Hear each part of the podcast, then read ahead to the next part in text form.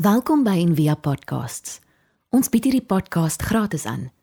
Om 'n bydrae te maak, besoek gerus ons webblad en via.org.za vir meer inligting.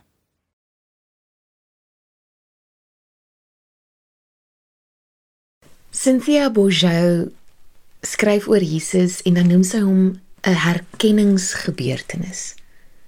'n Herkenningsgebeurtenis. En dan verduidelik sy dit so, sy sê meeste Christene en ek dink ander mense ook ehm um, val vir die misverstand om Jesus met 'n 2020 terugblik te benader. Net met wat ons hier in ons koppe glo oor hom. Net met belydenisse ehm um, wat blink gevryf is en in ons koppe ingedruk is. Hmm. En dan op 'n manier dink ons ons ken die storie. Dis nou so hier van die 4de eeu af. Waar Jesus se se eerste volgers het geen hulpbronne gehad nie. Hulle het net gehad wat reg voor hulle is. Hoe hoe hulle binnestes gebrand het in hulle. Hoe hoe hulle geïnspireer is deur Jesus die mens en hoe hulle iets herken het toe hulle hom ontmoet het. Dit is die dit is die herkenningsgebeurtenis en ek wil jou uitnooi om ook ver oggend so ehm um, weer voor Jesus te kom staan. En ek dink dit is hoekom Jan Richardson hierdie hierdie hierdie pragtige seën van haar hoekom sy ook skryf ehm um, vul jou longe met die lig wat hierdie nuwe môre bring. As dit 'n seën is waarna jy op soek is, maak jou eie mond oop. Hoor hoe die seën uitbreek in jou eie stem. Hoe jou eie lippe elke woord vorm wat jy nooit gedroom het om te uiter nie. Kyk hoe die seën terugsirkel.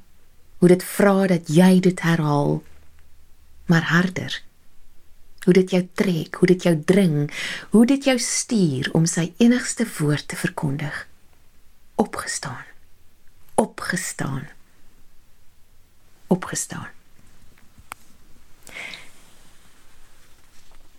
So ons het deel in hierdie opstanding omdat ons ook deel soos die woord sê in Christus se dood. Maar 'n ander stukkie bevryding is dat die opstanding nie waar is omdat ons dit glo nie. Die opstanding is waar ondanks die feit of ons dit glo of nie. Ronald Rollheiser skryf alles wat goed is, alles wat van God is, elke liggaam van Christus sal op 'n stadium misverstaan word, sal op 'n stadium gehaat word, sal op 'n stadium vals beskuldig word, die sondebok word en uiteindelik aan 'n kruis vasgespijker word. Maar die keersy hiervan word vandag op opstanding Sondag bewys. Die kruis word op die ouend altyd getroof deur die opstanding. Wat goed is, sal uiteindelik oorwin. Daarom al Al kan ons sê dat daar niks binne God se wil is wat die kruisiging vermy nie. Dit is die storie, ehm um, reg deur die woord. Dit vermy nie die kruisiging nie. Maar daar sal ook geen liggaam van Christus wees wat in die graf bly vir lank nie. God rol altyd die steen weg en laat nuwe lewe deurbreek. En miskien is dit net woorde vir jou vanoggend. Ehm, um, miskien vra jy, hoe gebeur dit? Hoe hoe gebeur dit in my lewe? Waar sien ek die opstanding? Hoe ervaar ek die opstanding? Hoe is dit nie net 'n gebeurtenis op 'n kerkkalender nie? Hoe is dit 'n herkenningsgebeurtenis? Hoe word Jesus weer vir my 'n herkenningsgebeurtenis of dalk vir die eerste keer? Nou, die die woord in ons skrifgedeelte van die oggend is is baie subtiel en dog baie helder hieroor. Ehm um, ek lees vir ons Matteus 28. Vroeg Sondagmôre, terwyl dit begin lig word, het Maria Magdalena en die ander Maria na die graf gaan kyk. Skielik was daar 'n geweldige aardbewing omdat daar 'n engel van die hemel afgekom, die klip voor die graf weggerol en daarop gaan sit het. Sy gesig het geblink soos weerlig en sy klere was sneeuwwit.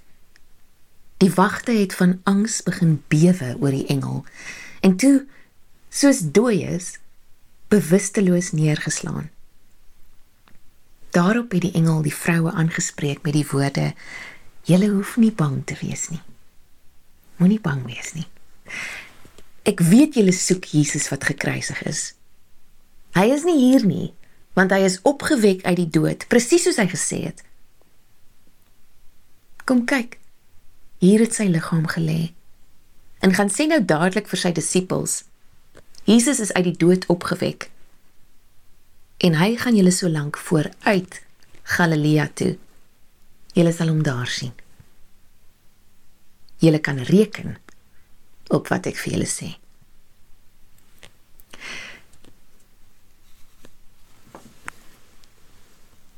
Die evangelie vertel, die Matteus evangelie, hoe Jesus se vrouevolgers die oggend van sy opstanding gaan na die graf om sy liggaam, die lijk te gaan balsem.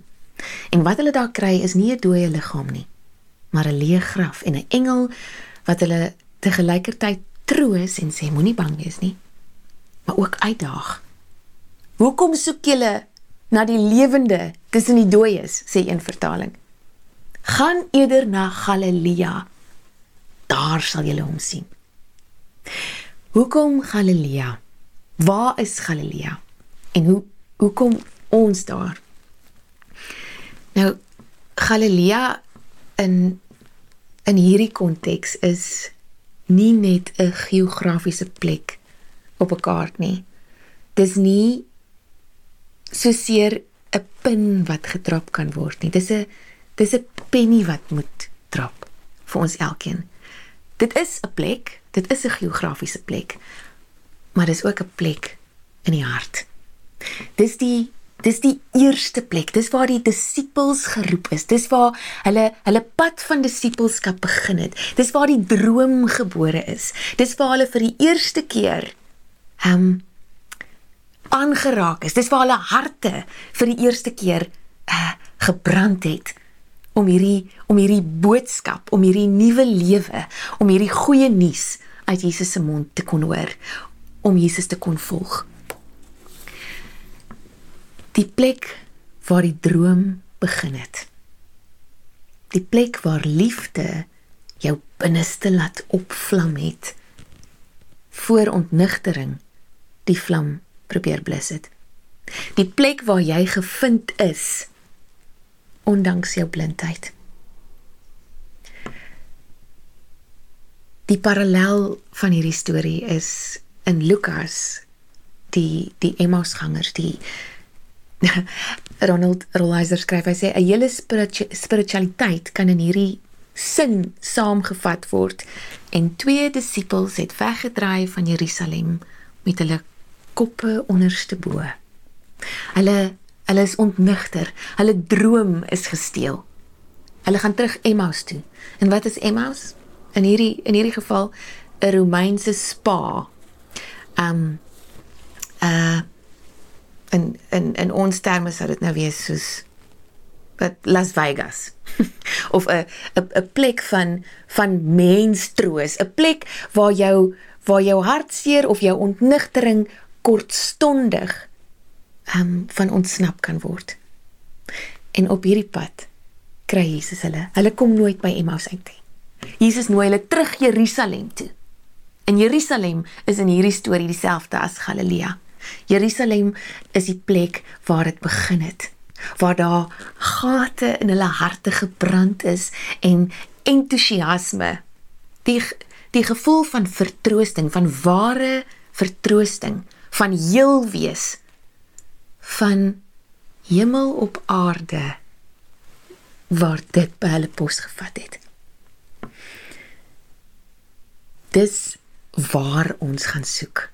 Waar was die plek waar Jesus jou die eerste keer aangeraak het? Waar liefde jou binneste laat opvlam het? Waar die pad van disippelskap hoe hard ook al jou infuse het jou jou jou deurdring het waar was daai plek? En dan en ek sluit af met hierdie vraag um, dis dis waar ons hom sien in Galilea terug in Jerusalem. Hoe sien ons? En um, die Johannes Evangelie maak dit vir ons duidelik. Die persoon wat hom eers gesien het was gedring deur liefde. Maria Magdalena En toe gaan roep sy die ander disippels en hulle sê Jesus 'n geliefde disipel, die disipel vir wie Jesus liefgehad het. Hy het almal liefgehad, maar Johannes het het het vir Petrus weggehardloop want die liefde het hom gedring. En toe gaan staan en wag hy by die graf en hy sê Petrus kan maar ingaan want autoriteit eerste. En Petrus gaan in en hy sien hierdie ding, hierdie goeters hier lê en hy verstaan nie en Johannes gaan in en deur die liefde kyk hy daarna. Die geliefde disipel en hy verstaan, hy begryp wat hier gebeur het. Hy het opgestaan. Hy het waarlik opgestaan. Ronald Rollheiser skryf dit so. I say when we look at anything through the eyes of love we see correctly understand and properly appropriate its mystery the reverse is also true. When we look at anything through eyes that are jaded, cynical, jealous, or bitter, we will not see correctly, will not understand, and will not properly appropriate its mystery. Liefde is die oog. Glo werklik Jesus het vrywillig na sy dood toe gestap, na die kruis toe gestap. Maar ek glo nie Jesus het gekies om te sterf nie. Jesus se lewe is een van van lewe. Jesus het gekies om aan te hou lief hê en dit het gelei tot sy dood. Dit het hom ook in sy dood ingelei. Sy eerste keuse was altyd verliefde nie vir die dood nie. Maar die dood was deel daarvan omdat hy aangehou lief het. Liefde was die krag agter sy dood en sy opstanding. Die dood kan die liefde nie verteer nie. Liefde is die oog het Hugo van Sint Victor gesê. Mag hierdie hierdie tyd wat voor lê mag mag Jesus en die Jesus iets van die Jesus wat jy die eerste keer ontmoet het in jou hart gebrand het mag jy iets in mense en die lewe en um en dit wat God oor jou pad bring herken.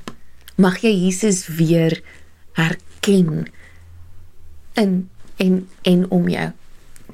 En mag hy vir ons die die genade gee om om werklik deur liefde, deur die lens van liefde na hierdie na hierdie lewe en en al sy kruise kyk sodat ons ook ware opstanding kan ervaar. Kom ons bid saam. Here mag ons hierdie woord gaan verkondig. Hierdie een woord opgestaan. Opgestaan opgestaan. Mag dit ook uit ons monde kom. Nie net omdat ons 'n geloofsbelijdenis glo nie. Nie net omdat ons gesê is om dit so te glo nie. Nie net omdat dit in ons kringe aanvaarbaar is om so te glo nie. Maar omdat daar iets met ons gebeur, daar iets iets iets van buite af met ons gebeur wat ons van binne af herken.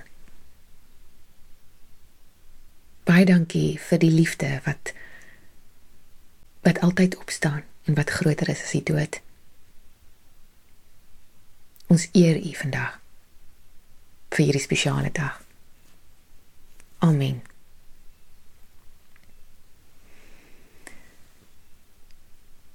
Hierdie ehm um, lydenstyd reis van verjare dan ehm um, tot 'n einde gekom vandag met 'n met 'n hoogtepunt met die opstanding. Ehm um, en ons ons reis as gemeenskap gaan aan deur die kerkkalender elke jaar. Wat 'n voorreg en dankie dat jy ook op 'n manier finansiëel bydra sodat ons so kan saamreis op op hierdie platform ook wanneer ons nie in persoon bymekaar kan kom nie. Die SnapScan kode is um, op die video of jy kan en via se bankbesonderhede kry op die web. 'n Geseënde naweek vir jou verder.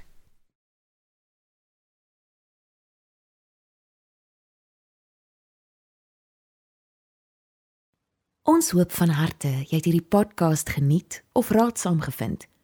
Besoek gerus en via.ok.za vir meer inligting.